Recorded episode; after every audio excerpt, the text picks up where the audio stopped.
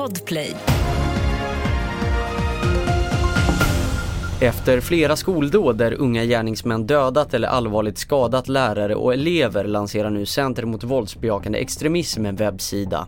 Sidan skolattack.se ger råd för alla som arbetar med ungdomar om hur man upptäcker om de är på väg att radikaliseras. Jonas Trolle är chef på Center mot våldsbejakande extremism. Idén är ju att det som vi inte vill ska hända verkligen inte ska hända. Utan, och ofta är det ju så med unga eh, eh barn i, eh, som finns i de här miljöerna att de pyser och läcker och, och aviserar någon slags vilja, uttrycker någon slags vilja. Och då ska man som personal, omgivande personal, lätt kunna ta till sig kunskap för att förstå och också kunna göra insatser i ett förebyggande syfte.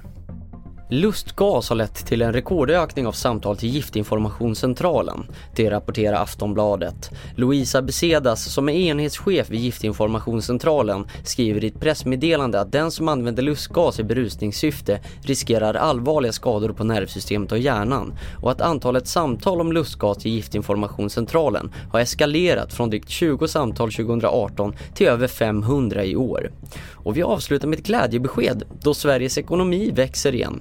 Sveriges BNP steg i oktober med 1% jämfört med september enligt en preliminär beräkning gjord av SCB. Du hittar fler nyheter på tv4.se. Jag heter Theo Atgaret Odag.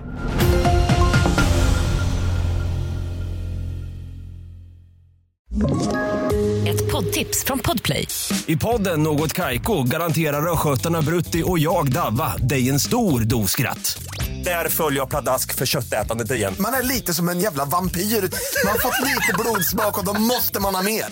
Udda spaningar, fängslande anekdoter och en och annan arg rant.